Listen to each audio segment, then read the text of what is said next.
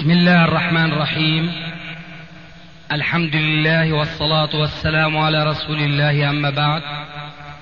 فهذا أحد أشرطة سلسلة الهدى والنور من الدروس العلمية والفتاوى الشرعية لشيخنا المحدث العلامة محمد ناصر الدين الألباني حفظه الله ونفع به الجميع. قام بتسجيلها والتأليف بينها محمد بن أحمد أبو ليلى الأثري.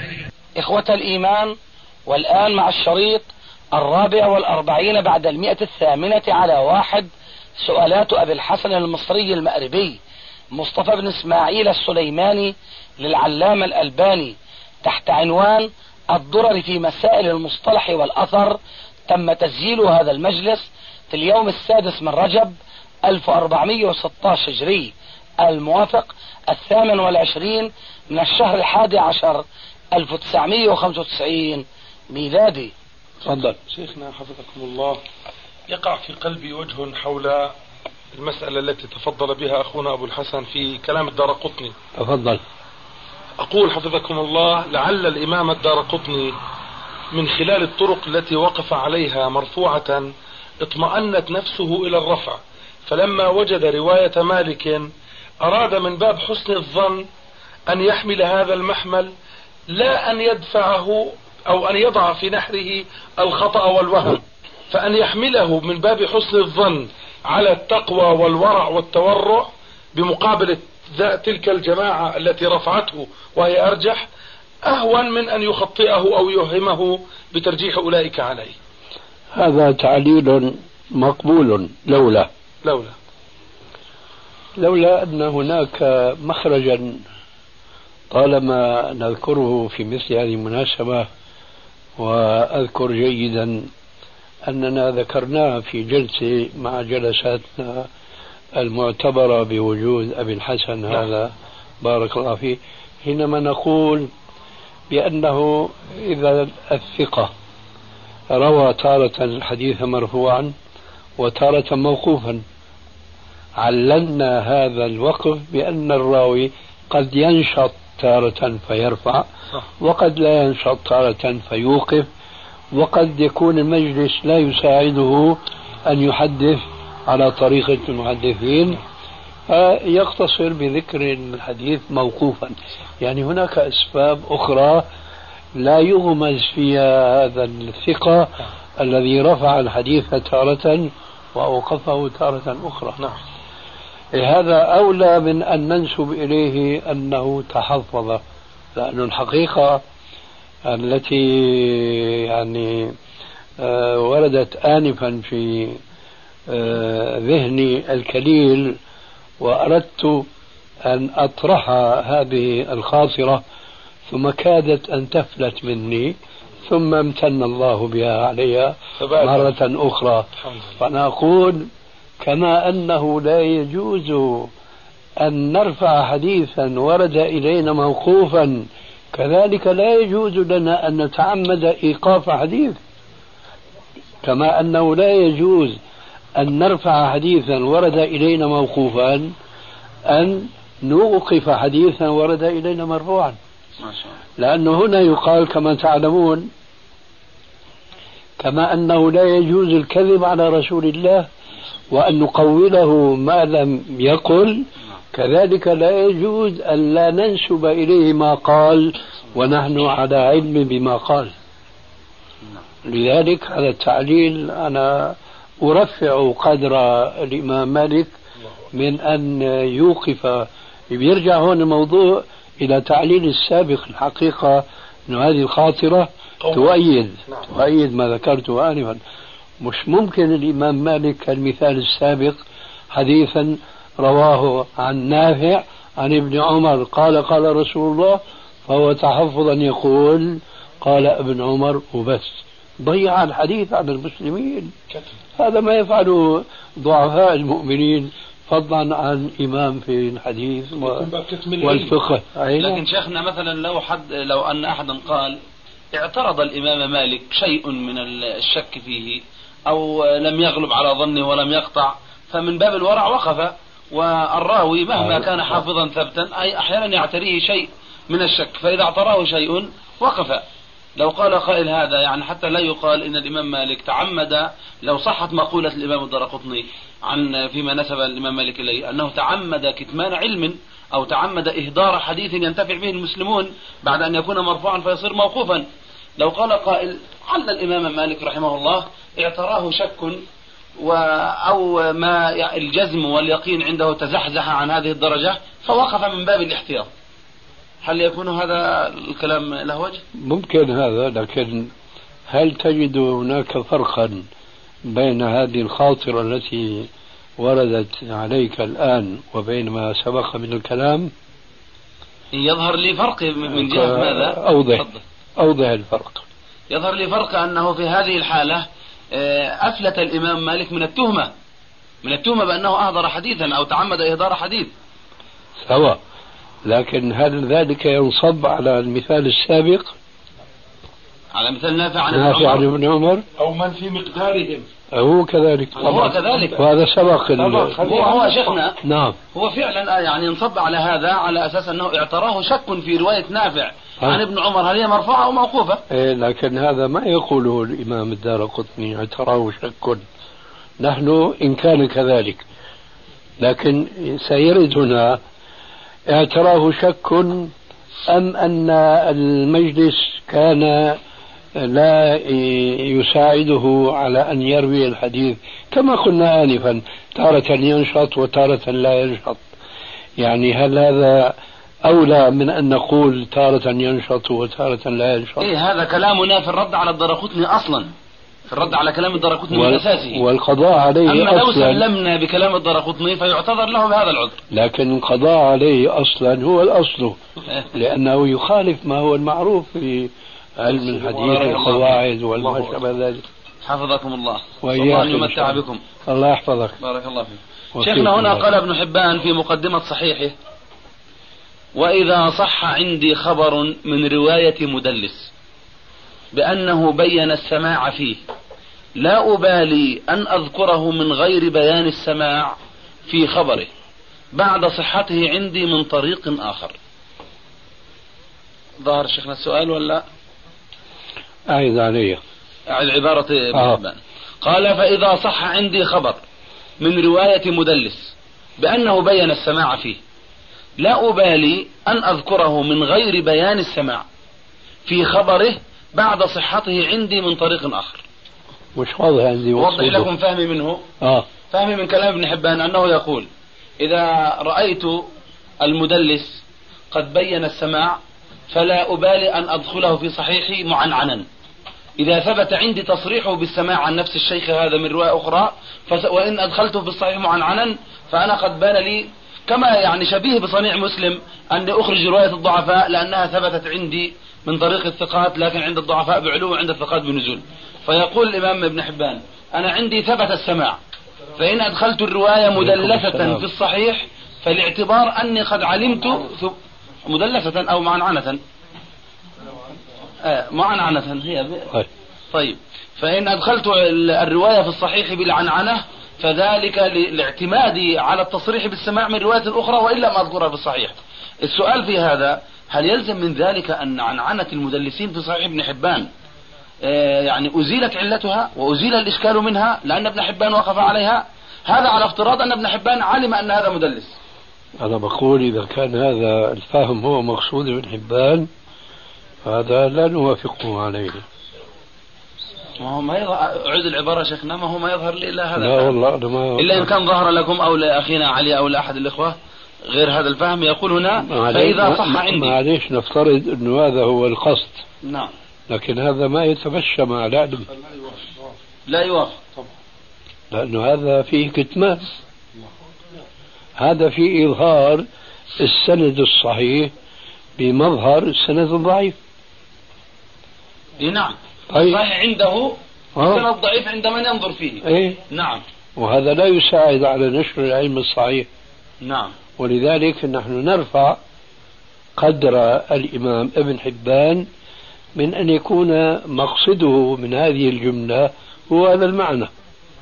ولذلك بنفتش ما لعله في الزوايا خبايا. ما شاء الله. والشيء الثاني شيخنا حتى لو كان مقصوده هذا فالرجل هذا عندنا مدلس. من أدرنا أن ابن حبان يراه مدلسا كما نراه نحن؟ هو هذا كل هذا يريده. وأيضا أخونا آه، أبو الحسن حفظه الله أوقفني على بعض المواضع في صحيح ابن حبان. صرح بأن الرجل مدلس وأعله للتدليس مع إدخاله له في الصحيح. في نفس الصحيح شيخ. في نفس الصحيح. وأعله بالتدليس. وأعله بتدليس بعنعنته. يعني ما كتمه. ما كتم لكن قد يقول قائل هذا فيما إذا بين. أما إذا سكت فمحمول على القاعدة الأولى التي في المقدمة. لا يعني هنا إذا كان بين رفع المسؤولية. نعم. ورفع الإيراد الذي أوردناه آنفا. يعني هذا مثله كمثل المحدث الذي يسوق الحديث بإسناده فيه متهم فيه ضعيف فيه تدليس إلى آخره ولا مسؤولية عليه لأنه ساق الحديث مع السند ولسان حاله يقول لا تعتمد على السوق للحديث بسنده وإنما اعتمد في بحثك في هذا السند. هذا يختلف تماما عن بعض بل عن أكثر العلماء قديما وحديثا حينما يأتون إلى حديث في مثل مسند الإمام أحمد فضلا عن معاجم الطبراني مثلا وينقل الحديث من كتاب من هذه الكتب رواه الإمام أحمد. رواه الإمام الطبراني وقد يكون فيه متهم بالوضع أو بالكذب. هذا ليس بريء الذمة بخلاف من نقل عنه الحديث وهو الإمام أحمد مثلا والطبراني لأنه كل منهم بريء الذمة لأنه ساق الحديث مع السند الذي يمكن العالم من أن يعرف ما ما حال هذا الحديث من حيث الصحة والضعف. هنا يظهر الفرق بالنسبة للمعنى الذي ظهر أو أظهرته آنفا أن هذا هو مقصد الإمام ابن حبان من هذه الجملة أنه يورد الحديث في صحيحه بطريق المدلس معنعنا نعم. لأنه هو وقف عليه مصرحا بالتحديث. هذا ورد عليه ما ذكرناه آنفا. أما المثال الذي نقلته آنفا عن أبي الحارث بأنه ذكر الحديث من طريق المدلس ومعنعنا وصرح الإمام ابن حبان بأنه فلان مدلس. نعم. هذا كالذي ينقل الحديث بالسند. يعني هو رفع المسؤولية. بريء الذمة. بريء الذمة. نعم. كذلك هنا ابن حبان بريء الذمة. أما في الحالة الأولى إن صح المعنى مم. المذكور آنفا المشكلة كبيرة جدا. نعم. نعم طب وقفنا شيخنا على الحافظ ابن حجر يعل بالتدليس في صحيح ابن حبان.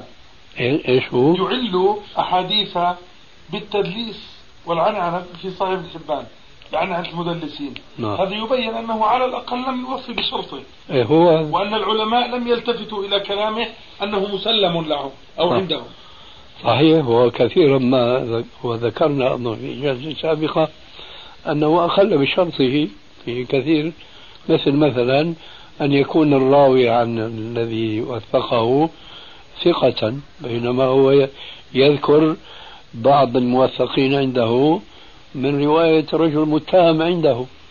نعم. متهم عنده. نعم. لكن والله أعد عليه العبارة. طيب نعم. يقول هنا قال ابن حبان في مقدمة صحيحه الجزء الأول صفحة 51 و100 وفي بعض النسخ صفحة 62 و100 قال فإذا صح عندي خبر من رواية مدلس بأنه بين السماع فيه.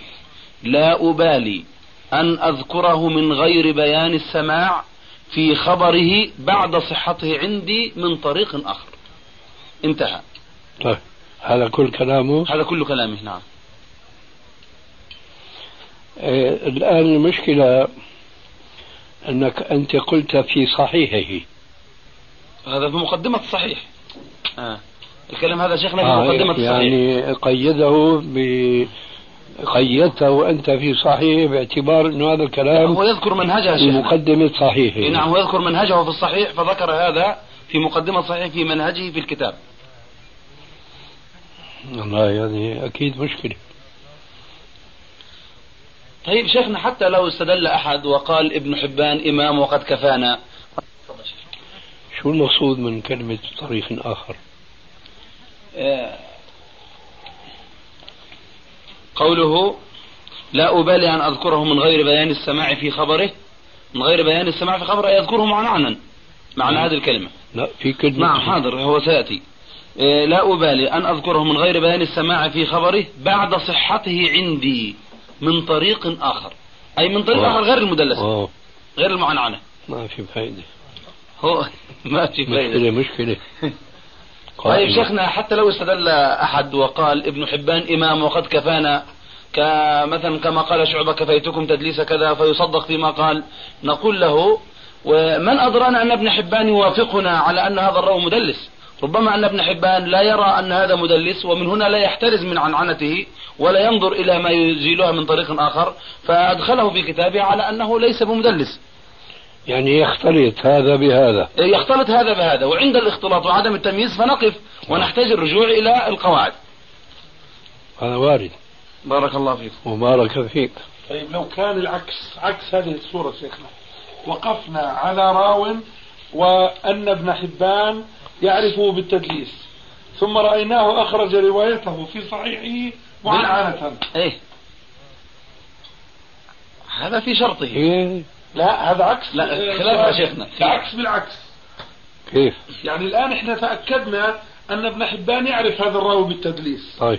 ثم أخرج روايته في صحيحه معنعنة وتذكرنا أنه في المقدمة يقول الخبر الذي صح عندي بالتصريح بالسماع لا أبالي إذا ذكرته من غير ذلك من طريق أخرى.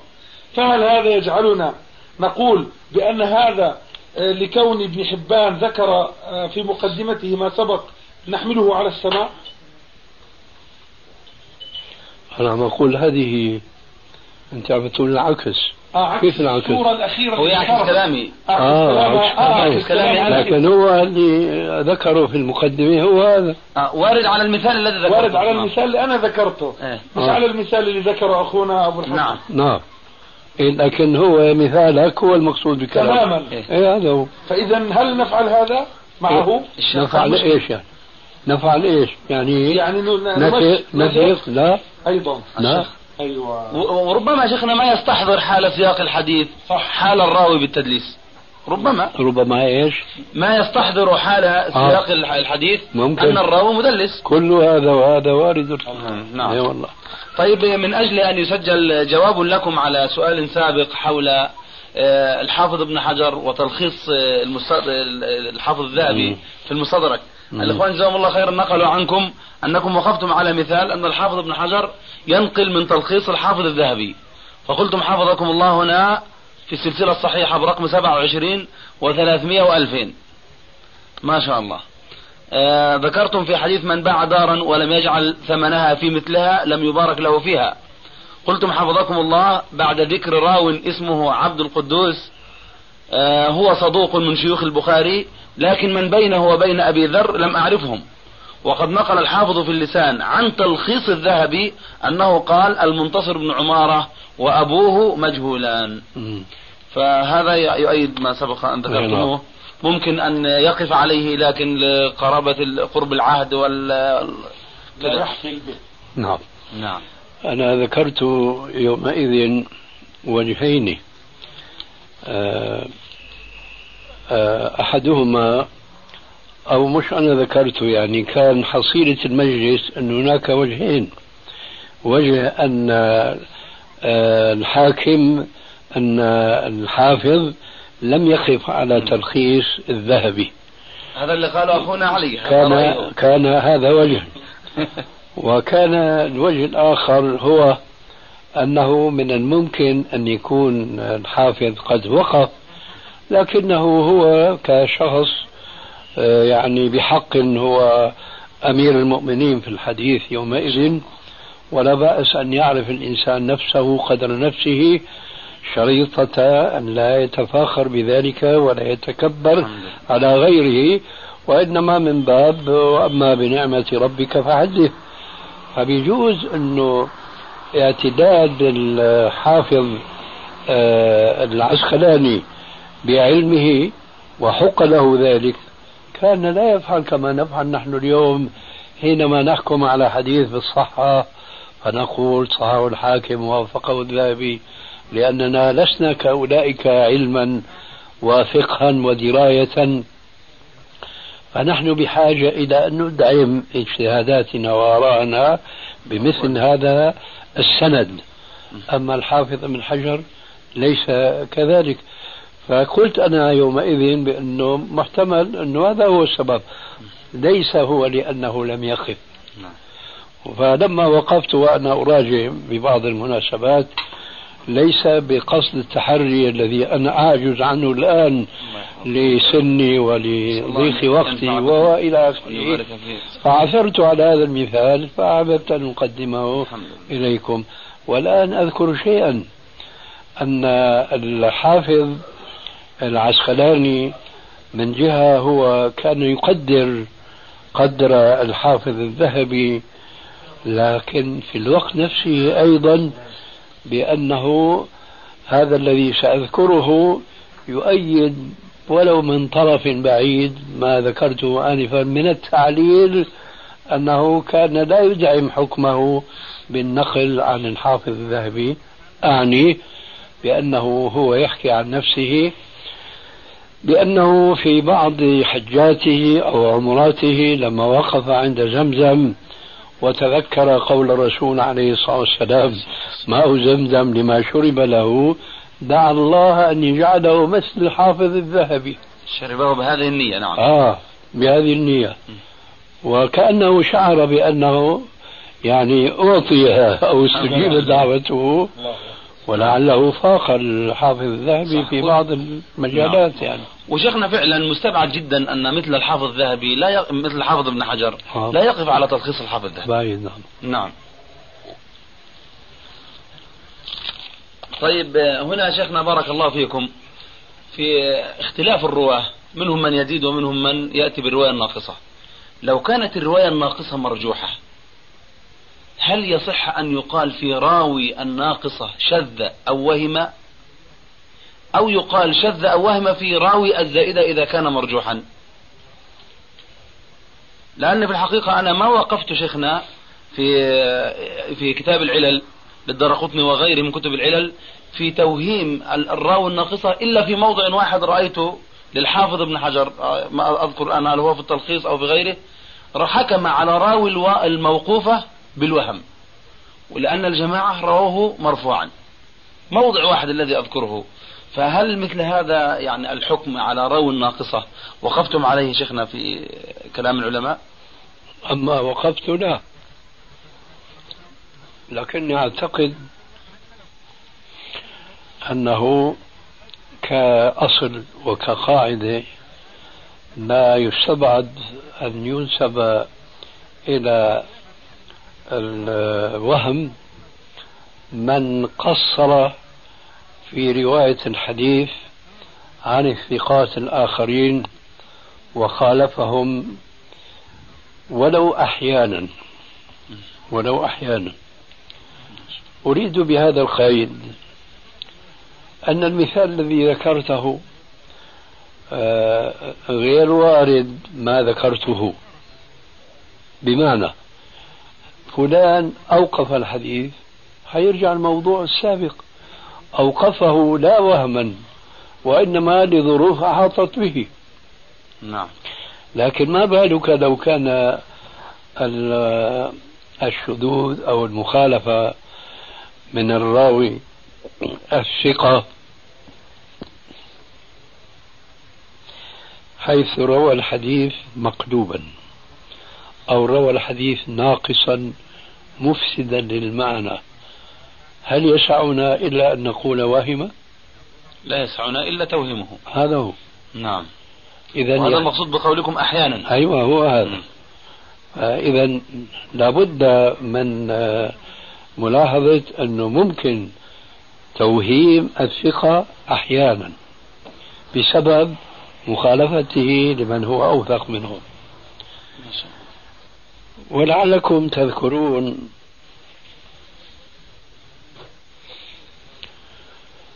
الحديث الذي في صحيح البخاري. من حديث ابن عمر بن الخطاب رضي الله عنه أن النبي صلى الله عليه وسلم خطبهم ليلة بعد صلاة العشاء وقال لهم أرأيتكم ليلتكم هذه؟ إنه لا يبقى على وجه الأرض ممن هو على ظهرها اليوم أحد. بعد مئة سنة أو قال مئة عام. الشاهد قيد ممن هو على ظهرها اليوم. ابن عمر شيخنا أو قلتم عمر؟ ابن عمر. أيه. ابن عمر. الشاهد قيد ممن هو على ظهرها اليوم. وجدت روايات صحيحة بدون هذا القيد. وأشكل ذلك على بعض الناس. قالوا أي نحن في القرن الخامس عشر. آه. لا شك أن الذين رووا هذا الحديث بدون هذا القيد من الثقات وهموا وهموا نعم. مع أنهم آه، قصروا آه. وكانوا واهمين. آه إذا كان القصور يترتب عليه يعني شيء في المعنى. إفساد معنى نعم. بارك الله فيك. ما شاء الله. الحمد لله. طيب حفظكم الله آه، في مسألة الترجيحات. قد ذكرتم وأشرتم أن وجوه الترجيحات كثيرة ومنهم من زاد على مئة وجه. في هذا الباب. وهنا مسألة أيضا آه، تعرض للباحث. السؤر شفاء. كما في الحديث ضعيف. فمسألة تعرض للباحث. عندما يختلف رجلان كل منهما مترجم له في التقريب بأنه ثقة. لكن لو رجعنا إلى التهذيب رأينا أحده أحدهما أوثق. أوثق من الآخر. لا رأينا أحدهما وثقه أحمد فقط. طيب.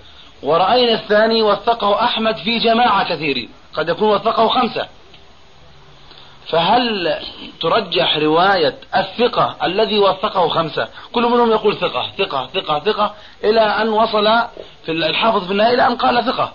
والأول ما وثقه إلا مثلا أحمد أو ابن معين أو أبو حاتم. قال ثقة قال ثقة فحمل يعني ترجمه الحافظ في التقريب بقول ثقة. التقريب لا يظهر فيه فرق والتهذيب واضح العدد. محتمل أن الواحد الذي وثق وهم أو ما يعني ما وقف على حديثه كله أو أو الآخر الاحتمالات المذكورة بخلاف الذي وثقه أكثر من واحد. فهل عند الترجيح ممكن أن يؤخذ هذا كوجه من وجوه الترجيح في الرواة هذه الصورة التي ذكرتها؟ قد وقد. طيب تفضل. قد وقد. لأن هذا فعل مرجح ولكن قد يكون هناك مرجحات أخرى فتتعارض مع هذا المرجح. فأنا أقول هذا مرجح فيما إذا استويا استوى الثقتان في الشهرة في كثرة الرواة عنهما. ثم بقيت عندنا هذه المزية فأنا معك فيما ألمحت إليه. لكن قد يكون العكس. قد يكون ذاك الثقة الذي كثر الموثقون له ليس بالشهرة التي آه ظهر بها الذي وثقه الإمام الواحد.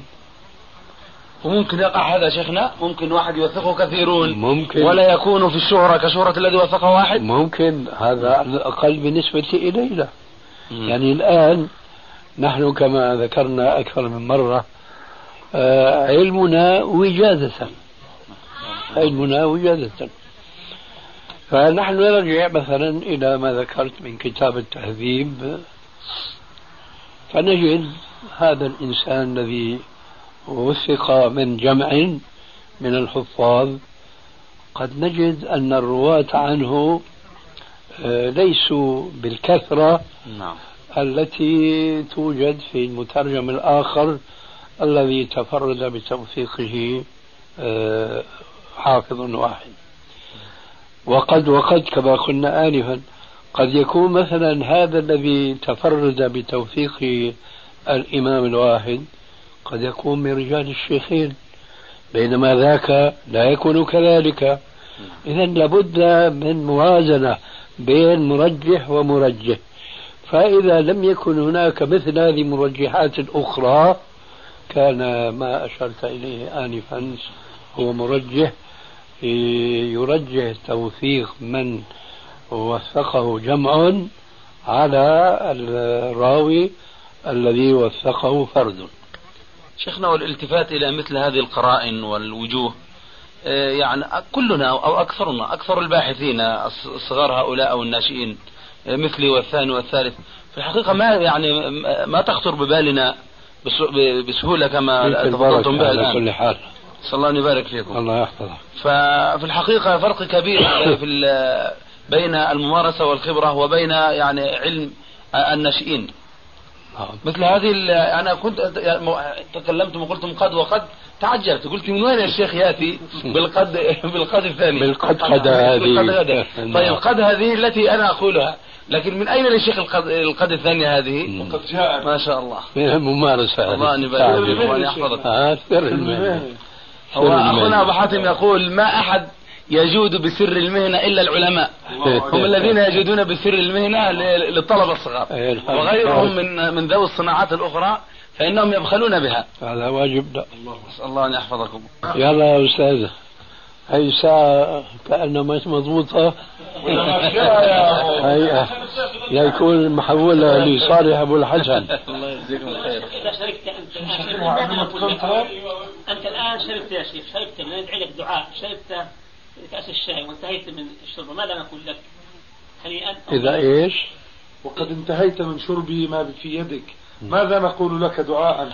ما ما ما تقول لي شيئا إلا في الغيب تدعو لي. الله يجزيكم خير. نعم. شيخنا هنا خص الحافظ ابن حجر في فتح الباري الجزء الأول 44 و100 قبول مرسل الصحابي بما إذا كان في أحاديث الأحكام. بما إذا كان في أحاديث الأحكام دون غيرها. وقال فإن بعض الصحابة ربما حملها عن بعض التابعين مثل كعب الأحبار فما ترون في ذلك؟ سبق الجواب عنه. أن مثل هذا لا التفات إليه؟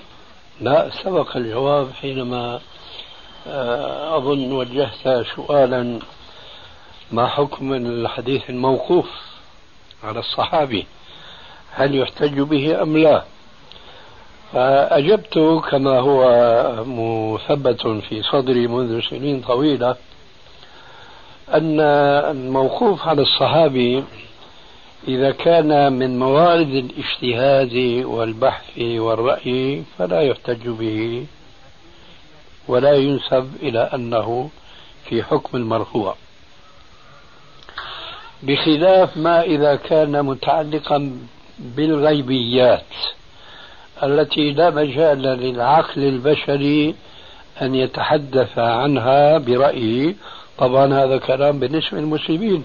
أما المسلمين التعبير عندنا في سوريا الجغرافيين أو غير المسلمين مطلقا فهؤلاء يعني لا إيش لا كفر لا آه، إيش بعد الكفر؟ شو بيقول ها؟ ليس بعد الكفر ذنب. ها. فالشاهد فكلامنا بطبيعة الحال في هؤلاء المسلمين الذين يلتزمون أحكام الدين ومن ذلك ألا يتحدث المسلم رجما بالغيب. فإذا جاء حديث موقوف على صحابي يتحدث في شيء كما يقال اليوم مما وراء الطبيعة يعني من أمور الغيب. هذا لا يمكن أن يقال بالرأي والاجتهاد والرجم والظن إلى آخره. لكني استثنيت أن لا يكون محتملا أن يكون من الإسرائيليات. نعم. ويومئذ آه، كان ينبغي ولا أدري لماذا هذا انصرفنا عنه يومئذ أن أضرب مثالا للحديث الموقوف والذي هو في حكم المرفوع بلا شك ولا ريب هو حديث ابن عباس في تفسير في تفسير لبعض الآيات القرآنية أن القرآن نزل جملة واحدة وبهذه الدقة إلى بيت العزة في سماء الدنيا. هذا لا يمكن أن يقال بالرأي والاجتهاد. هذا أمر غيبي. أولا نزل جملة واحدة ما يدريه.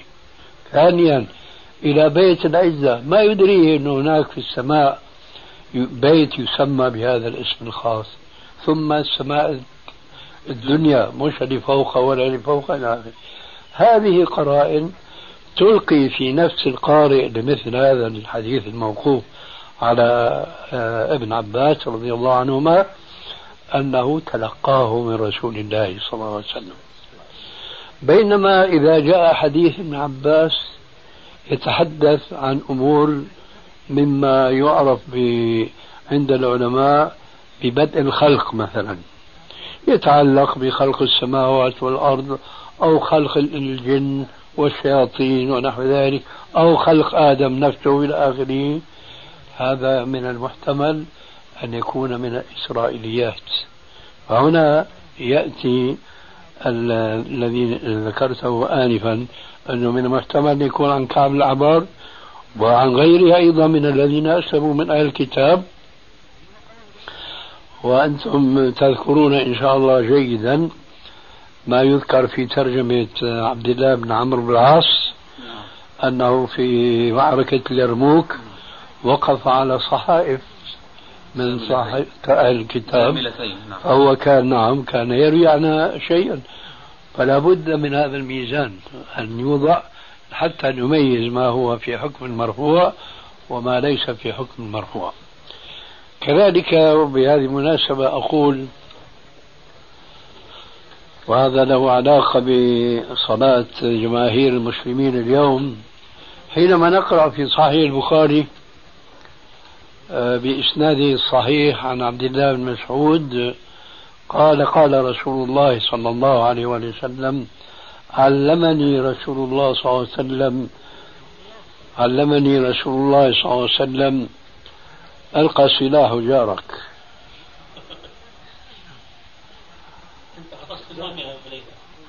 طبطب له بقى طبطب له بس راح ينام أكثر بعدين.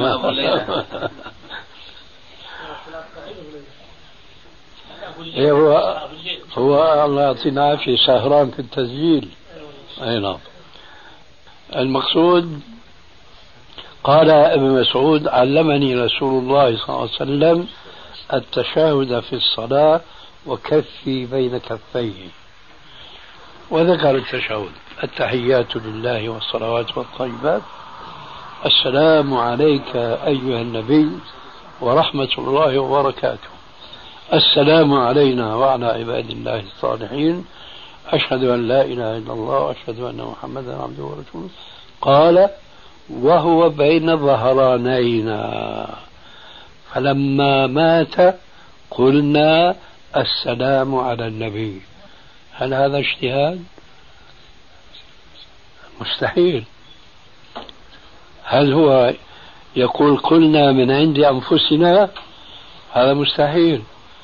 وبخاصة أن القائل ابن مسعود الذي صح عنه أنه كان حينما يعلم التشهد بعض آه، أصحابه كالأسود وعلقمة وأمثالهما قال يأخذ علينا الحرف. يأخذ علينا الحرف. هذا الذي يأخذ في التعليم لأصحابه التشهد الحرف الواحد يعقل أنه يأتي إلى كاف الخطاب فيرفعه وهو سمعه مباشرة من تعليم الرسول إياه. فيقول من عند نفسه لا تقولوا بعد وفاة الرسول السلام عليك أيها النبي وإنما قولوا السلام على النبي. هذا إن لم يكن مستحيلا فهو قريب من الاستحالة. هذا أيضا يقال موقوف في حكم المرفوع.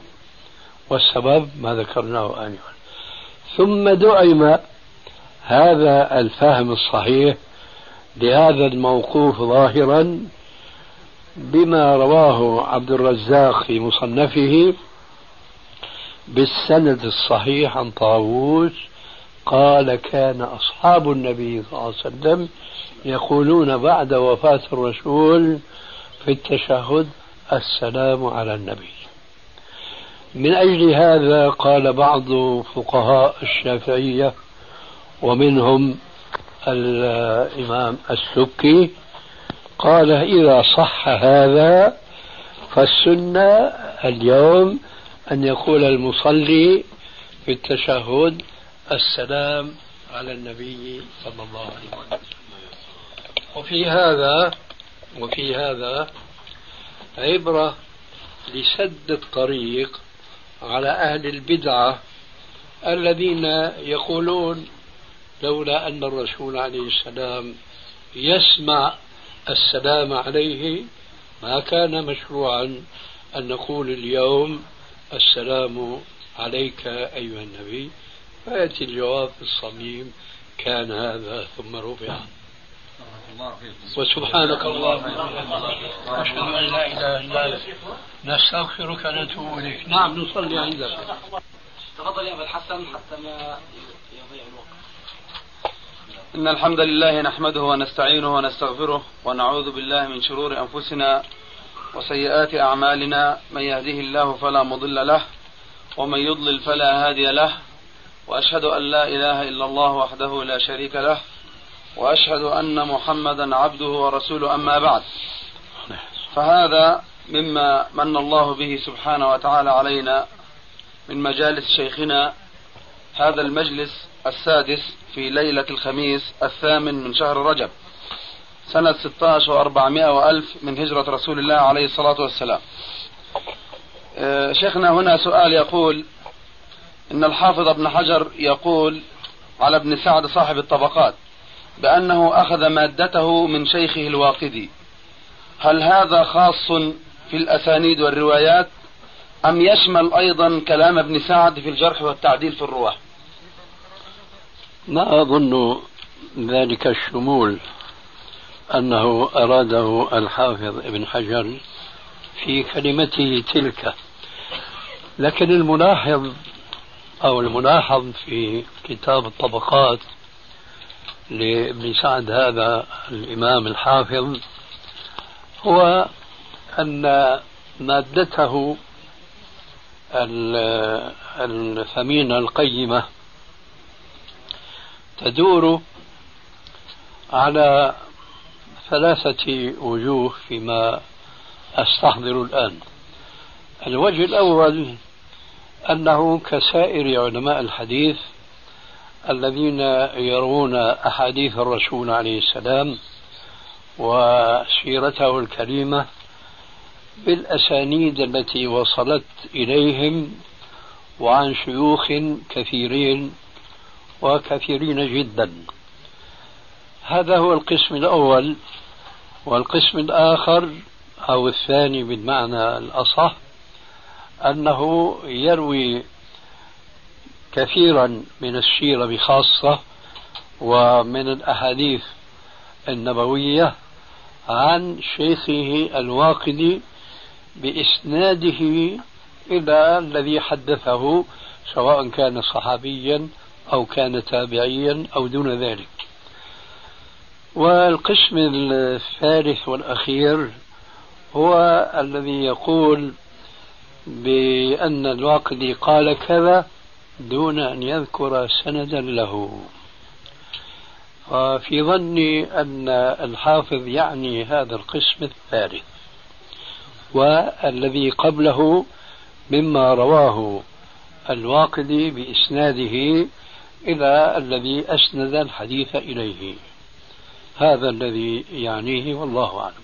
بارك الله فيكم. يعني معنى ذلك أن تجريح ابن سعد وتوثيقه للرواة من عنده ومن اجتهاده ليس مأخوذا من شيخه. نعم. وينظر إلى اعتدال ابن سعد وتساهله وغير ذلك ويحكم عليه بهذا الشيء. قد رجحتم شيخنا بأنه إلى التساهل أقرب. أي نعم. بارك الله فيكم. أي نعم. هذا سبق أن ذكرنا. نعم. قبل في في سؤال سابق. أي نعم. وكما يقولون يعني إن الشيء بالشيء يذكر وقد يعني علمنا أن الواقدي شيخ شيخ ابن سعد بهذه المكانة من الناحية الحديثية بأنه يعني متهم أو متروك. لكن أحيانا نجد للواقدي كلاما في التاريخ أن غزوة كذا سنة كانت سنة كذا. وأمور يعني نجد أمورا تاريخية. ما لها صلة بالرواية؟ وفلان صحابي وفلان ليس بصحابي. هل يؤخذ بكلام الواقدي في مثل هذا؟ يؤخذ بالتحفظ. يؤخذ بالتحفظ. نعم. بمعنى ما لم يخالف؟ هذا المقصود بالتحفظ؟ لا أكثر من ذلك. إيه. لا يجزم به. لا يجزم به. ولو لم يخالف. إذا معنى لا يجزم به أي لا يبنى عليه عمل فلا يعمل به. وهذا لكن أنت تعلم أن هناك بعض العلماء آه، ليس فقط يفرقون. لكن أحيانا نجد للواقدي كلاما في التاريخ أن غزوة كذا سنة كانت سنة كذا وأمور يعني نجد أمورا تاريخية ما لها صلة بالرواية. وفلان صحابي وفلان ليس بصحابي هل يؤخذ بكلام الواقدي في مثل هذا؟ يؤخذ بالتحفظ. يؤخذ بالتحفظ. أي نعم. بمعنى ما لم يخالف؟ هذا المقصود بالتحفظ؟ لا أكثر من ذلك. إيه. لا يجزم به. لا يجزم به. ولو لم يخالف.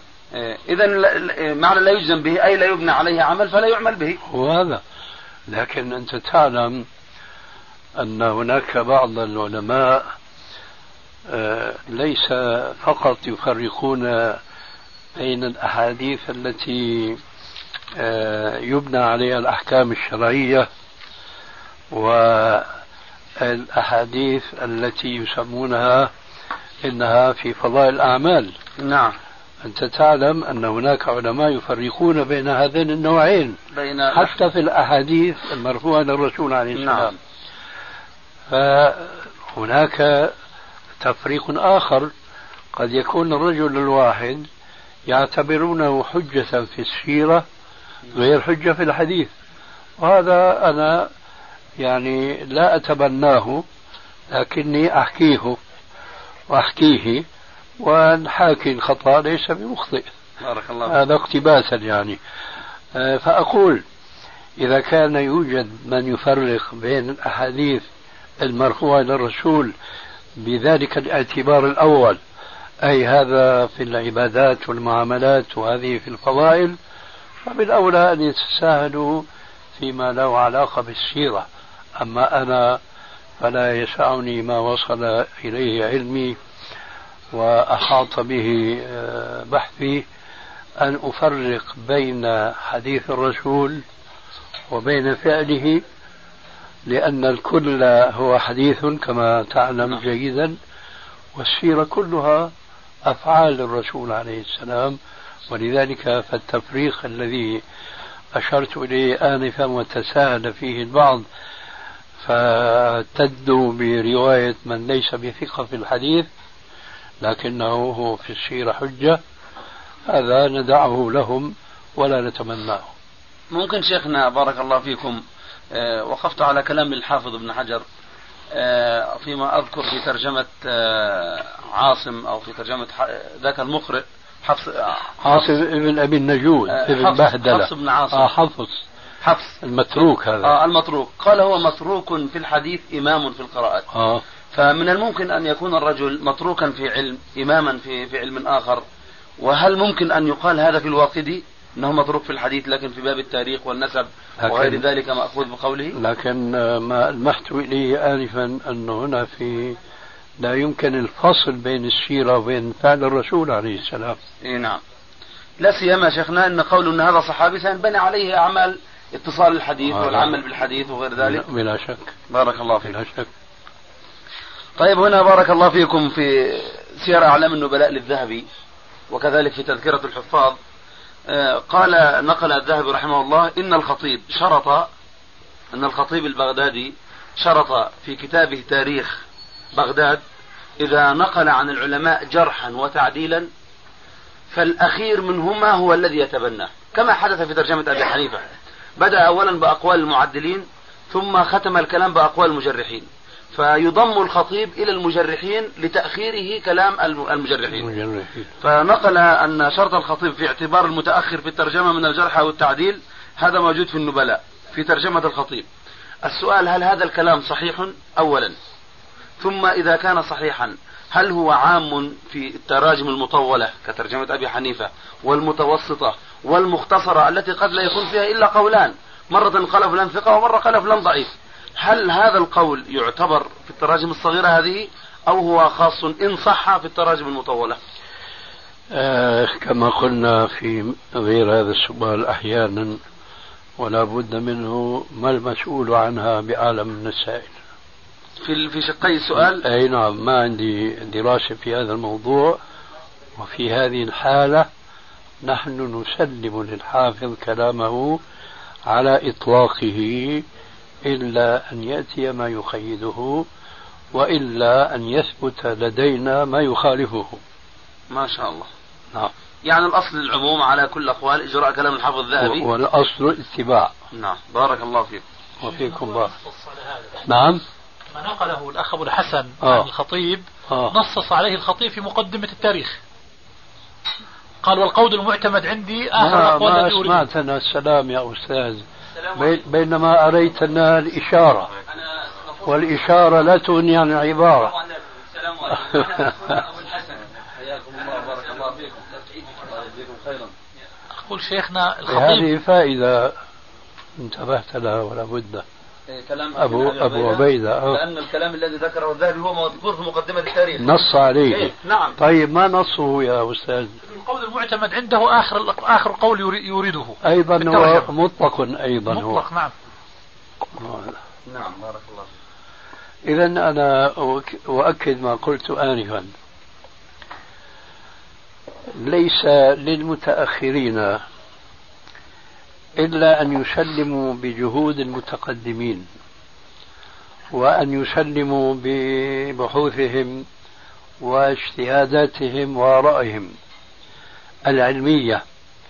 إلا إذا تبين لهؤلاء المتأخرين ما يحملهم حملا على مخالفتهم لأن هذا هو سبيل المؤمنين الذي حض عليه القرآن الكريم في مثل قوله تبارك وتعالى قل هذه سبيلي أدعو إلى الله على بصيرة أنا ومن اتبعني وسبحان الله وما أنا من المشركين. فواجبنا الاتباع لمن سبقنا لأن العلم هو متواصل. ولا يقبل الوقوف كما أقول أنا في بعض المجالس ما أدري إذا كنت قرأته مكتوبا أو مطبوعا. العلم لا يقبل الجمود. نعم هذا سمعت كثير سمعته وقرأته. قرأته عنكم نعم. آه. القصد أنه أمثالنا نحن المتأخرين يجب أن يجتهدوا وأن يبحثوا وأن لا يقفوا عند جهود المتقدمين لكن هذا لا يعني أن نهمل جهودهم وأن لا نستفيد منها بل الأصل الاستفادة منها إلا إذا تبين لنا شيء مما يضطرنا اضطرارا إلى مخالفة بعضهم فيما ذهبوا إليه. بارك الله فيك. شيخنا أحيانا يذكرون الراوي ويقولون هو ضعيف في روايته عن فلان عن أحد مشايخه. ويذكرون له تلميذا ويقولون عن هذا التلميذ إذا روى عنه التلميذ الفلاني فروايته قوية. فأحيانا ممكن يقف الطالب أو الباحث على في حديث على رواية هذا التلميذ عن هذا الشيخ المترجم له عن نفس الشيخ المضاعف فيه. وضح سؤالي أو أعيده؟ الأخير ما وضح. طيب آه، راو معين عندنا. ذكروا أنه في الشيخ الفلاني ضعيف. وإذا روى عنه التلميذ الفلاني قوي مثل سفيان بن حسين ولا حسين بن سفيان عن الزهري؟ آه، سفيان بن حسين عن الزهري. ها؟ سفيان بن حسين. سفيان بن حسين عن الزهري. هو إذا روى عن الزهري ضعيف. نعم. ومثل شعبة وسفيان إذا روى عن عطاء آه، آه، بن السائب فهو قوي. زمن الاستقامة. طيب الآن لو كان التلميذ تلميذ سفيان عن الزهري ذكروا أن روايته عن عن عن سفيان بن حسين هذه قوية هو حسين بن سفيان. المهم المهم روايته عنه قوية فجاء من رواية هذا التلميذ عنه عن الزهري. فالمعتبر روايته عن الشيخ ولا رواية التلميذ عنه في هذه الحالة؟ لا تلميذ التلميذ في هذه الحالة؟ التلميذ. وتكون الرواية قوية. التلميذ عن حسين عن قوي. الزهري. نعم. عن الزهري. إي نعم. لكن هنا ثبت أن حسين عن الزهري ضعيف وما يصلح هنا الاحتجاج بأن فلان التلميذ الذي إذا روى عن حسين تكون روايته قوية. إي نعم. لا هنا شذت القاعدة. ينبغي أن تكون رواية هذا التلميذ عن حسين ليس عن حسين الضعيف الزهري إي نعم. هذا أمر واضح فيما أعتقد. اذا باعتبار الضعف سواء كان في التلميذ أو في الشيخ. أي نعم. باعتبار الضعف سواء كان في التلميذ أو في الشيخ. لا شك هذا لابد من اعتباره. بارك الله فيكم. وهيك بارك. شيخنا هنا يذكرون أيضا في بعض الرواة أنهم كانوا يحضرون المجالس المشايخ وينامون أو ينعسون في أثناء تحديث الشيخ وأنه سيء الأخذ بسبب هذا الأمر. واحيانا يدي يعني يدافعون عنهم كما ذكروا في ابن وهب لما كان يجلس مجالس ابن عيينة بأنه قد جلس للاستئناس وأنه قد سبق له أن سمع مثل هذه المجالس من قبل ودخل كما يقول الشيخ المعلمي في التنكيل فأراد أن يسمع شيئا جديدا فإذا بالشيخ قد بدأ بالد- ب- بالمجلس الذي سمعه من قبل فمن هنا لا يعتني إما أن يكتب في أثناء يعني كلام الشيخ وإما أن ينعس أو كذا فكونه سيء الأخذ في هذا المجلس لا لا يعل روايته عن سفيان بالعموم. لكن وإن سلم هذا شيخنا أليس ذلك يعني دليلا على جعله مرجوحا إذا خالف؟ من هو مثله في سفيان؟ على الإطلاق أما على ما تبين لنا أنه أخذ هذا الحديث وهو ناعس أو ما شابه ذلك ما هو إذا تبين لنا أنه أخذه وهو ناعس واضح لكن إذا ذكروا فقط ما نعرف أنه أخذه وهو ناعس أو أخذه من قبل لكن أيوة. رأيناه خالف من هو في منزلته في, في العدالة والضبط. حسب القواعد يبدو أنه يكون والحالة هذه مرجوحا. إيه مر يعني عل... آه، لا، آه، بارك الله فيكم. لو فرضنا أن الطالب هذا جلس مجلس الشيخ وسمعه عشرين مرة وهو متثبت وهذا سمعه مرتين ونعس في الباقي فالذي سمع عشرين مرة أكثر من الذي أحسن من الذي سمع مرتين. من هو الذي تعنيه سمع شيء مرة؟ هو الذي المخالف. المخالف لابن وهب مثلا. المخالف. إيه نعم. طيب. والذي كان ينعس سمعه مرة مرتين ولا العكس؟ اي نعم اختلف. اختلف الذي ينعس هذا مع. الذي لم ينعس. أنا عارف بارك الله فيك. يعني. السؤال في راويان. راو سمع مرتين وراوي سمع عشرين مرة. نعم. من الذي سمع الأقل والأكثر؟ من؟ لو الذي ينعس. الذي ينعس اللي سمع الأقل. مرتين. سمع الأقل صحيحا ونعس بالباقي.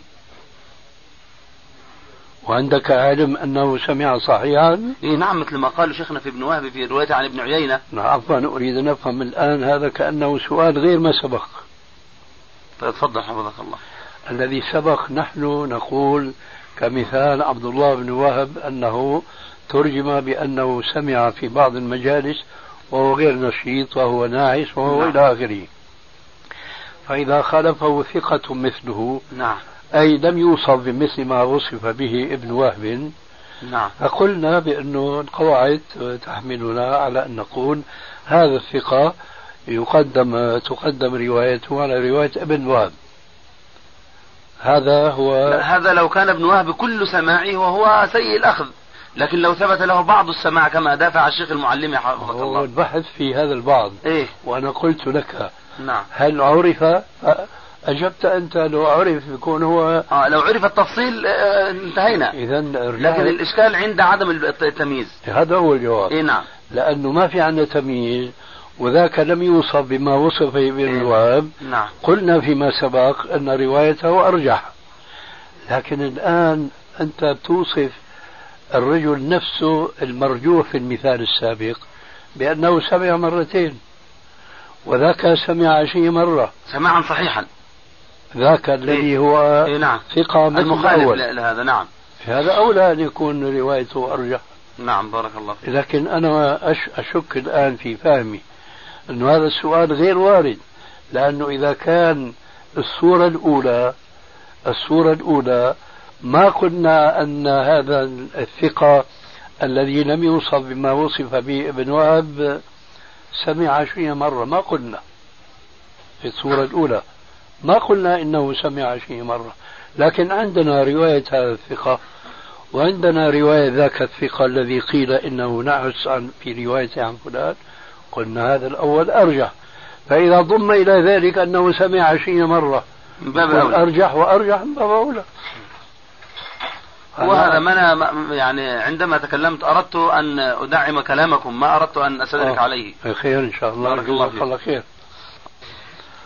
بالنسبة لصنيع الحافظ في التقريب أجد بعض التراجم إذا كان هناك في ترجمة معينة توثيق وتضعيف مفسر. التوثيق معلوم والتضعيف والتجريح مفسر. في ترجمة اختلف فيها هل هي واحدة أم اثنتان؟ أحيانا يختلف في الترجمة هل المقصود يعني هي واحدة أو اثنتان؟ فالحافظ يجمع في الحكم بين القولين. إذا كانت الترجمة مختلفا فيها قيل هو فلان وقيل هو فلان. ومحتمل أن يكون التوثيق لواحد والتضعيف لآخر.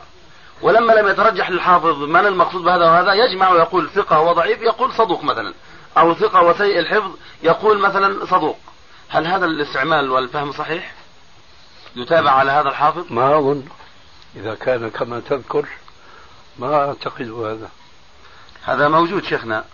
يعني أحيانا يقول مثلا صدوق ومثلا يكون آه، صدوق ومجهول.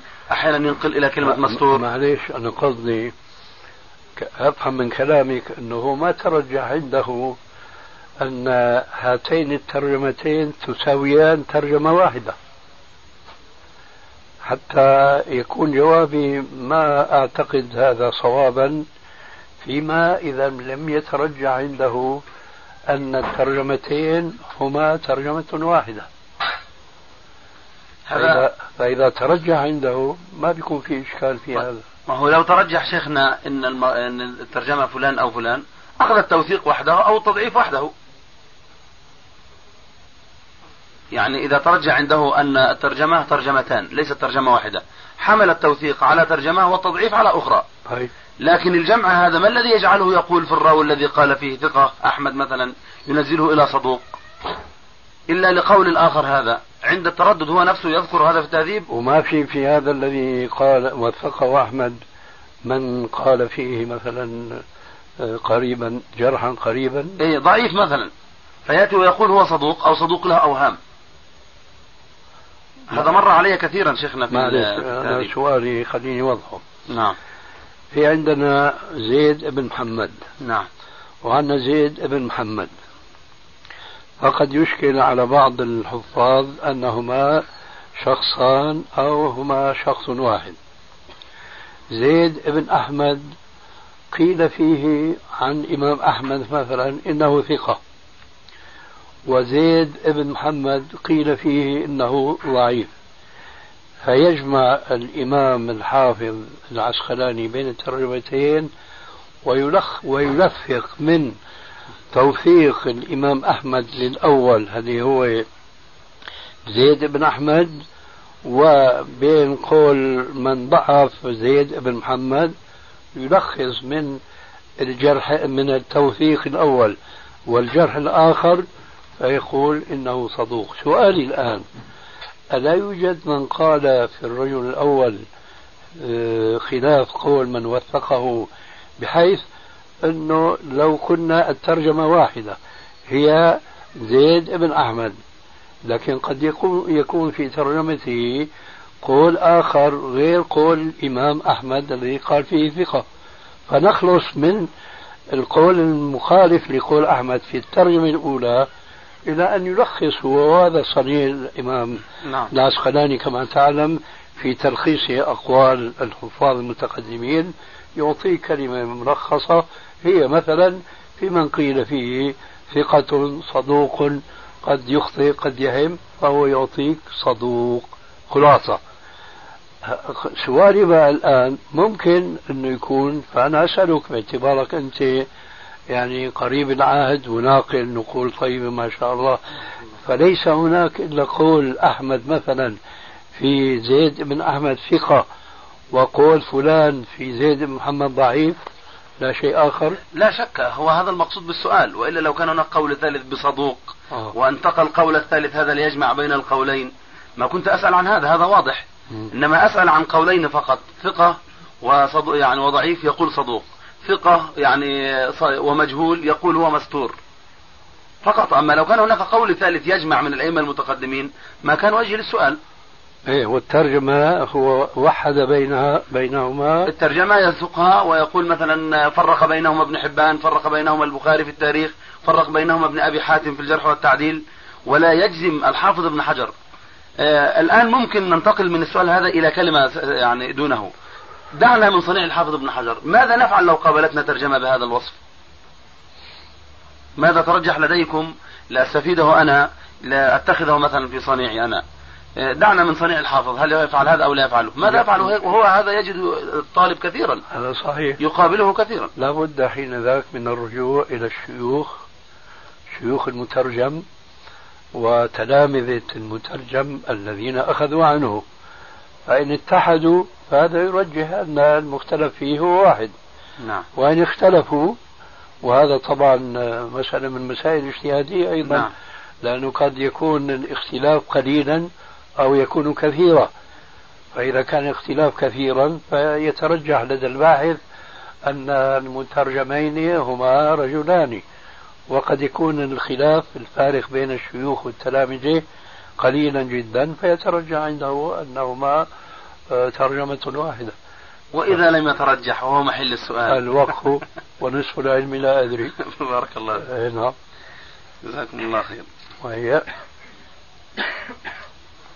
شيخنا هنا إذا كان الراوي روى عنه راويان. والإسناد إلى أحدهما لا يثبت. يعني في الإسناد إلى الثقة هذا التلميذ رجل ضعيف. هل يعتبر هذا مع الأول رافعا لجهالة العين أم العبرة بما صح سند إليه من رواية روى واحد فقط؟ بما صح السند ويكون على جهالة العين. أي نعم. ما شاء الله. شوية ميزة ممكن يا أخوانا نعم. عفوا يا شيخنا لو أتعبتك لا ما تعبتني الله لكن. الجو ما شاء الله البركة في الحاضرين. صلى الله يبارك فيك. نعم. آه، هنا شيخنا في مسألة إذا انفرد في في الترجمة قول عالم عرف بالتساهل في التوثيق. أيوة. آه، أراكم يعني في خاصة في من دون التابعين تقفون فيه. بسم الله. لكن هنا السؤال لو انفرد في الترجمة رجل متشدد وعرف بالتعنت كابن القطان مثلا أو كأبي حاتم الرازي أراكم تعتمدون كلامه إذا كان في التجريح. فانفراد المتساهل بالتوثيق آه، قد لا, لا, لا تعبؤون به. وانفراد المتشدد أعني بالمتشدد من الأئمة غير المجروح مثل الأزدي وغيره أراكم تعتمدونه. فهنا السؤال لماذا اعتمدنا كلام المتشدد وهو على خلاف الجادة والصواب في التجريح؟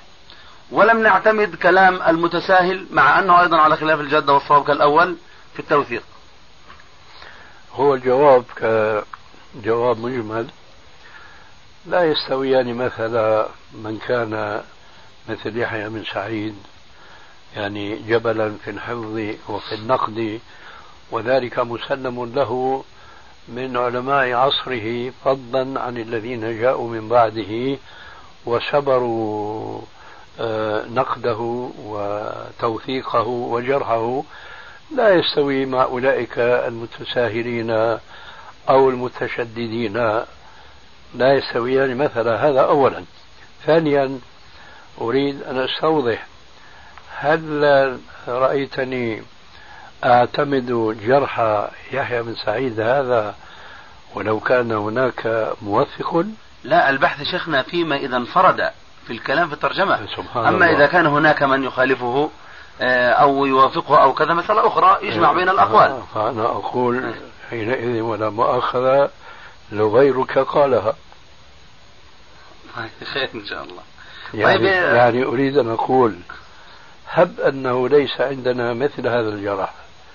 ماذا نفعل بهذا الراوي هو هذا الذي نريد منكم بارك الله فيكم نقول هو هذا طيب. هي في نفسي لكن أردت أن نتثبت من جوابكم خذها إذا بارك الله فيكم. فيكم. آه، ال- يعني لو لو أننا أهملنا كلام ال- المجرح فالرجل باقي على الجهالة ولا يحتج بروايته أصلا لذلك قلت لو غيرك قالها بارك الله فيك هي في نفسي الجواب لكن هو طيب. شيخنا في الحقيقة أن بعض ال- الأسئلة أنا أريد أن أتثبت من الجواب منكم. يعني. نعم ولا قد يخطر أو قد يعني على حد قوله تعالى سنشد عضدك بارك الله فيك.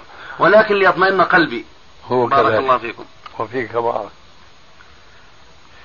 إذا ملخص الجواب هذا حتى أيضا الأخوة الذين يسمعون ملخص الجواب نعم. نحن نعتد بجرح هذا المتشدد لسببين اثنين. نعم. الأول أنه ليس كمثله كثير من المجرحين. وسبق شرح نعم. هذا. نعم. السبب الثاني أنه يجرح شخصا لا يضرنا جرحه لأنه لو لم يكن له وجود فنحن نسلك حديثه مسلك الحديث ضعيفة وحينما نعتد بجرحه لا نزيد على هذا المسلك حين شعره نعم بارك الله فيك. أما لو أخذنا بقول المتساهل فقد عملنا الله بالحديث. آه. نعم بارك الله فيك. هنا شيخنا جاء عن ابن أبي خيثمة أنه سأل ابن معين عمن قال فيه ضعيف فقال إذا قلت هو ضعيف فليس بثقة. عفوا معين ولا معين؟ ها؟ معين؟ نعم. أنا قلت معين أنا؟ لا أنا اللي قلت. بارك الله فيك. هنا يعني ابن أبي خيثمة تلميذ يحيى بن معين سأله عمن قال فيه ضعيف من الرواة. قال إذا قلت هو ضعيف فليس بثقة ولا يكتب حديثه. وإذا قلت لا بأس به فهو ثقة. السؤال الآن إذا جاء في ترجمة وقال فيها يحيى بن معين فلان ضعيف ولم نجد غير هذا القول فيه. الحافظ ابن حجر في كثير مواضع من التقريب يترجم له بأنه ضعيف بالرغم أن ابن معين صرح وقال هو ليس بثقة ولا يكتب حديثه. وأيضا هذا السؤال كسابقه ليس هناك إي نعم عند الانفراد. أيوة. ليس هناك في ترجمة هذا الذي تف... هذا الذي قال فيه ابن معين ضعيف. ليس هناك قول آخر. قول آخر لا بتجريح ولا بتوثيق. هنا لابد من ملاحظة شيء في ظني وهو هل يكون هذا المترجم الذي لاحظت هذه ملاحظة دقيقة. آه ابن معين يقول ضعيف ويعني به شديد الضعف والحافظ ابن حجر لا يعني بقوله ضعيف ما يعني ذا. هل يكون الرواة عن هذا المضعف من الحافظين؟ وكل منهما يعني خلاف ما يعني الآخر. آه له رواة كثر أم قليلين؟ أريد التفصيل هذا ما لا أستحضره الآن وأريد منكم أقول أذكر لك؟ التفصيل. نعم. نعم بارك الله أقول إذا كان هذا المترجم بمثل هذين القولين المتفقين لفظا والمختلفين قصدا إذا كان هذا الراوي له رواة كثر يختلف الأمر عندي بينما إذا كان الرواة عنه قليلين. في الحالة الأولى أعتمد كلمة الحافظ العسقلاني. ظاهرا وباطنا. إيه نعم. في الحالة الأخرى لا. نعم. إيه نعم. ما شاء الله. أحسن الله شأنك. بارك الله فيكم. وفيكم بارك. الله يجزيكم خير. شيخنا هنا في تهذيب التهذيب ترجمة أسامة بن زيد الليثي. نقل الحافظ عن الحاكم في المدخل أنه قال في أسامة بن زيد هذا؟ روى له مسلم واستدللت بكثرة روايته. يقول هذا كلام الحاكم. واستدللت واستدللت بكثرة روايته على أنه صحيح الكتاب عنده. صحيح الكتاب عند عنده أي مسلم عند مسلم. مم. يقول لما أكثر مسلم عن.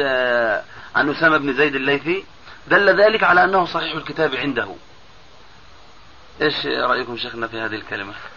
هو الظاهر يقول شيئا وجده ولم يفصح عنه. ولا هذا الكلام يمكن سحبه على كل الرواة الذين يكثر عنهم. من الرواية أحد ال- الملتزمين الصحة في الرواية. وما أعتقد هذا بلازم. يعني لا يلزم أن الراوي الذي يكثر من الرواية عنه في أحد الصحيحين مثلا فضلا عن غيرهما أن يكون كل راوي له كتاب. لكن الظاهر والله أعلم أن الحاكم في بذهنه معلومات توحي إليه بأن له مثل هذا الكتاب. وإلا مجرد الرواية لا تعني أن له كتابا. نعم. أو ربما لأن أسامة بن زيد متكلم فيه من جهة حفظه. هو متكلم فيه بلا لكن من أين أخذ قضية الكتاب؟ على أساس لو أن يعني روى سيء الراوي سيء الحفظ إذا أخذ من كتابه فإن روايته تكون مستقيمة. وست يعني نزه الإمام مسلم أن يأخذ من روايته من حفظه وهو متكلم في حفظه. جميل هذا. كذلك يرد الإشكال السابق ينسحب على كل من تكلم فيه. نعم. نعم. قل سويد مثلا. أي نعم. صرح بأنه حتى ما ينزل. أي نعم. روى عن سويد حتى لا ينزل. أي نعم. شيخنا ألا يقال إنه صنيع مسلم رحمه الله تعالى لعل صنيع مسلم رحمه الله تعالى في أنه اعتنى بالصحف الحديثية له عناية خاصة بها وأسانيده يعني كثيرة أسانيده كثيرة في من خلال الصحف ينقل من الصحف. فلعل وذاك وجد له صحيفة فجاء عنده هذا الاعتبار أو هذا الظن. يعني منهج مسلم الذي جعله مرجح بارك الله فيك يا أبا عبيدة. ممكن أن يقال هذا وذاك لكن هل نحن نعتمد على هذا القول لأنه يحتمل أنه عنا كذا وعنا كذا؟ ما يعطينا هذه القناعة. يمكن أن يقال لكن هل يتبنى؟ هل يقال إن مسلم إنما روى عن أسامة بن زيد الليثي لأنه كان يحدث من كتاب صعب نعم. الإيمان بهذا؟ فيكم. بارك.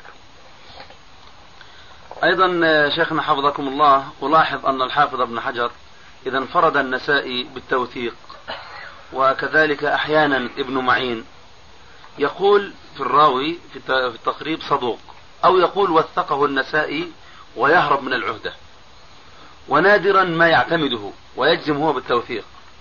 وإذا خالفه عنده آه، أحد إذا كان هناك من يخالف النسائي جنح إلى قول المخالف للنسائي سواء كان بارتفاع الراوي أو بنزوله عن قول النسائي.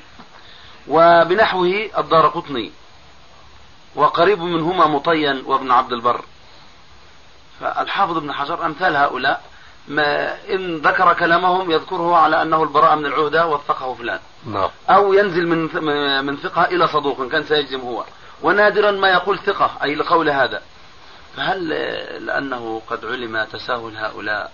كما يقول الشيخ المعلمي رحمه الله في التنكيل أن النسائي وابن معين قد يوثقان المجاهيل مثل العجل وابن حبان. بالنسبة لمن ذكرتهم لا أدري أما بالنسبة للنسائي فهو كالعجل تقريبا في التساهل.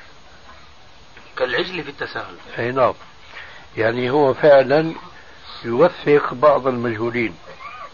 لكن ليس مكثرا من ذلك كما يفعل غيره من المتساهلين.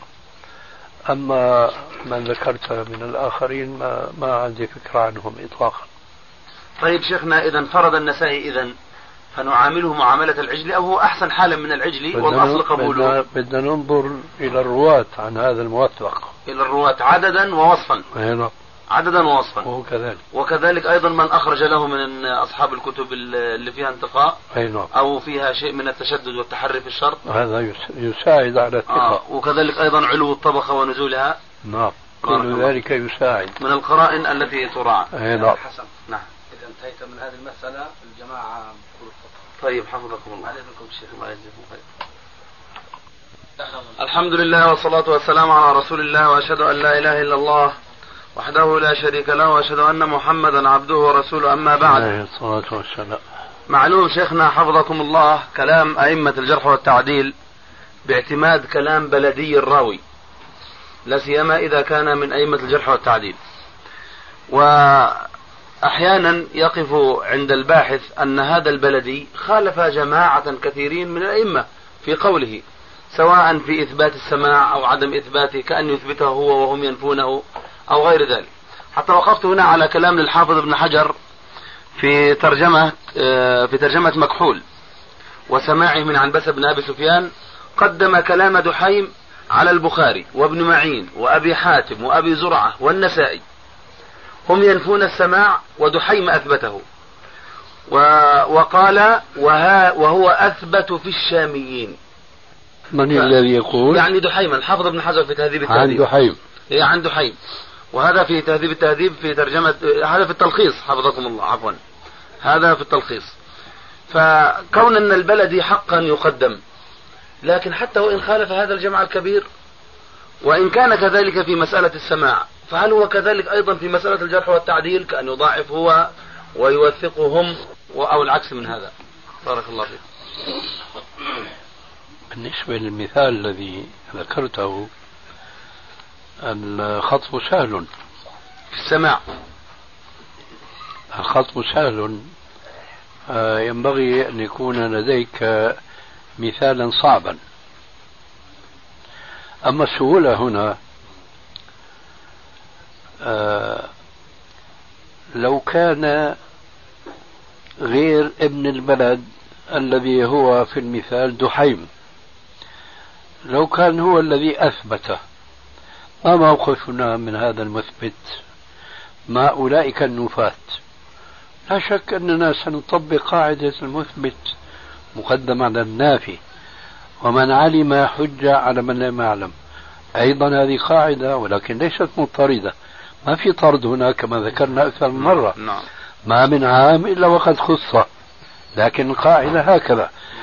فلو فرضنا أن المم... أن الذي وثق أو أثبت السماء. الذي أثبت السماء هو ليس من بلد الذي أثبت له السماء. ما هو موقفنا؟ هو مع القاعدة. المثبت مقدم على النافي يشتد الثقة بهذا المثبت في ماذا كان ابن بلد الذي أثبت له ما أثبت. إذا هذا ليس فيه إشكال. لا أنا أردت أن أستدل به على الشيء الآخر. وهل كذلك هو ما هو الشيء الآخر؟ وهل كذلك في الجرح والتعديل البلدي؟ لأن الحافظ لما تكلم آه، أنا أدري بقاعدة المثبت المقدم على النافي إلا أنه أكد أكثر ما أكد وهو أثبت في الشاميين. بلى. فهل كذلك أيضا لو فرضنا أن آه، دحيما خالف هؤلاء في باب في باب التوثيق والتجريح كأن يوثق هو وهو وهم يجرحون. لا أعكس الآن هنا. دحيم قال لم يسمع. وأولئك قالوا سمع. من باب أولى ماشي. مقدم على ماشي. إيه نعم. طيب. اس آه اس آه افرض الآن مثالا آخر. دحيم ضعف هذا ابن البلد. نعم. وأولئك وثقوا. نعم. يصح هذا مثالا آخر فيما هو في ذهنك؟ هو هذا هل يقال البلدية مقدم على هؤلاء؟ كويس. لا ما في طرد. نحن الآن ندرس هذا التضعيف وندرس ذاك التوثيق بميزان علم الجرح والتعديل إن كان الجرح مفسرا كما سبق في بعض الجلسات نعم،. السابقة وكان هذا الجرح بعد تفصيله جرحا يعتبر علة قادحة رجح وما نظرنا ابن البلد أو غير ابن البلد إذا هذا يفيدنا في مسألة نحار فيها. أما إذا كان عندنا قواعد تدفع الحير عنا فما يهمنا إن كان غريبا أو كان بلديا. نعم. يعني مسألة كون أنه بلدي هذه مع استواء القرائن أو وجوه الترجيح فالبلدية هنا في هذه الحالة ترجح يعني ميزان نعم. صاحبها. أحيانا حفظكم الله مثلا آه، مشايخ الإمام الشافعي أحيانا يقول حدثنا الثقة حدثني من لا أتهم. فيكون هناك اجتهاد. أو الحسن البصري أحيانا يقول حدثني الثقة أو حدثني من لا أتهم. وهناك من يدافع بأن في زمن الحسن البصري بني أمية والخلاف بين أهل البيت وبينهم فهو يعني رجلا من آه، من الثقات فلان أو كذا. هل هذا التعيين وهذا التصريح بأن فلان هذا هل هو يعمل به لا سيما إذا لم يختلف فيه؟ أو اختلف فيه والجميع يدور على ثقة؟ نفرض أنهم اختلفوا لكن هذا وذاك والثالث والرابع كلهم ثقات. فهل هذا ينفع حفظكم الله في في باب الصحة حسب القواعد التي سبق ذكر الكثير منها أقول إذا كان الحفاظ اتفقوا على شيء فلا مرد له. أما إن اختلفوا فهنا الاجتهاد. فنحن ننظر بين أو في أقوال هؤلاء المجتهدين ونعمل مراجحة بين أقوالهم فما ترجح عندنا اعتمادا على قواعدهم عملنا به وإلا فلا. وأنت ضربت مثلا بالحسن البصري. الحسن البصري كما تعلم هو يعني كما ذكرت أنه كان يعيش في زمن دولة بني أمية وكان ربما لا يستطيع أن يسمي شيخه فيدلسه ويسقطه. فبنفس القاعدة نطبقها هنا بالنسبة لشيخ الحسن البصري إذا لم يذكر. فإن كان اتفقوا وهذا ما لا أظنه موجودا إذا اتفقوا في الحسن البصري خاصة أن شيخه الذي يسقطه فلان ما ما في ذهني أنه يوجد مثل هذا الاتفاق وإن اختلفوا فطبقنا ما أشرنا إليه من القواعد. لو شيخنا إيش صنعكم في مثل هذا الباب؟ حدثني رجل حدثني من لا أتهم حدثني ثقة فيقولون الرجل هو فلان والثقة هو فلان. هل تعتمدون هذا التصريح؟ قلت صنيعي أنا. نعم. إذا استحضرت ما ذكرت آنفا من الاتفاق أو الاختلاف أخذت بالمتفق عليه. أما المختلف فيه فأعمل آه، نظري وبحثي وأرجح ما ما يبدو لي. لكن بخصوص الحسن البصري ما عندي أي ترجيح في هذا الموضوع وأنا أقول بأن الحسن البصري مدلس لكني أستثني من ذلك إذا روى عن التابعين. نعم قد سبق هذا آه كويس. أما إذا روى عن صحابي من الصحابة فأنا أطرد عدم الاحتجاج بعنعنته. نعم. وليس عندي هنا موقف آه، خاص يبين هذا الذي طيب شيخنا عندما تقول اتفقوا أحيانا ما نجد إلا كلام ثلاثة من الأئمة صحيح؟ لا نجد لهم مخالفا. بارك الله فيك هو الاتفاق الأمة هذا مستحيل في مثل إيه. هذه القضايا. لكن على الباحث أن يفرغ جهده وفي حدود ما يقف عليه يعمل به. وإلا تعطل العلم بطرق مثل هذه الاحتمالات. يعني حينما نحن نصحح حديثا ونبحث جهد البحث لكن يمكن يكون هناك في الزوايا بعض الطرق وبعض الأحاديث يعرقل علينا التصحيح. نعم. هذا محتمل بلا شك. فهل نقيم لهذا الاحتمال نعم. وزنا؟ لا. لا يكلف الله نفسا إلا وسعها. فعلى الإنسان أن يفرغ وسعه وجهده ليصل إلى معرفة الحق مما اختلف فيه الناس. فعندنا ثلاثة وأربعة اتفقوا على شيء. هذا خير وبركة. أما قد يكون هناك خبر ما وصلنا أنه هناك حافظ خالفهم. قد يكون ذلك. لكن نحن مسؤولون عن ما وصل إليه بعثنا. الأئمة السابقون الذين نتعجب نحن اليوم من قوة ضبطهم وحفظهم. نفترض أنهم فاتهم الشيء الكثير. ولا شك. وهذا نلمسه أحيانا في بعض المواقف. لكن ما نأخذ عليهم ذلك لأنه هذه طبيعة البشر. أيضا هذا شيخنا يذكرنا في مسألة اتفاق أئمة الحديث هذا. لو اتفقوا مثلا على أن فلانا لم يسمع من فلان وعندنا يعني ظاهر السند المسلسل بالثقات يقول سمعت أو سألته في كذا وكذا سأله في مسائل أو سمعه وحكى مثل هذه الأشياء. هل يعتمد هذا مع تصريح الأئمة بأنه ما سمع؟ يعتمد لأنه هذا ينقض الاتفاق. إيه، مجرد ما جاء في السند؟ الصحيح. السند صحيح هو المقصود آه. آه. لأن فيه موضعا شيخنا في في العلل الرازي أيضا اختلف في سماع فأبو حاتم الرازي ظاهر الحديث السماع فقال أبو حاتم الرازي لكن أهل الحديث اجتمعوا أو اتفقوا على أنه لم يسمع واتفاق أهل الحديث على شيء يكون حجة فيخرج من المسند نعم. مع ذكره في في الرواية بالتصريح بالسماع نعم. قال فيخرج من المسند إيش ترى في مثل هذا؟ ما أرى إلا غير ما ذكرت الأول الذي ذكرته. أي نعم. حفظكم الله. أي نعم. لأن لأننا إذا درسنا النفي ماذا نتصور ما هو مستندهم في النفي؟ هل هل هناك سوى عدم العلم بالشيء؟ هو عدم العلم. إخوة الإيمان تتمة الكلام في الشريط التالي.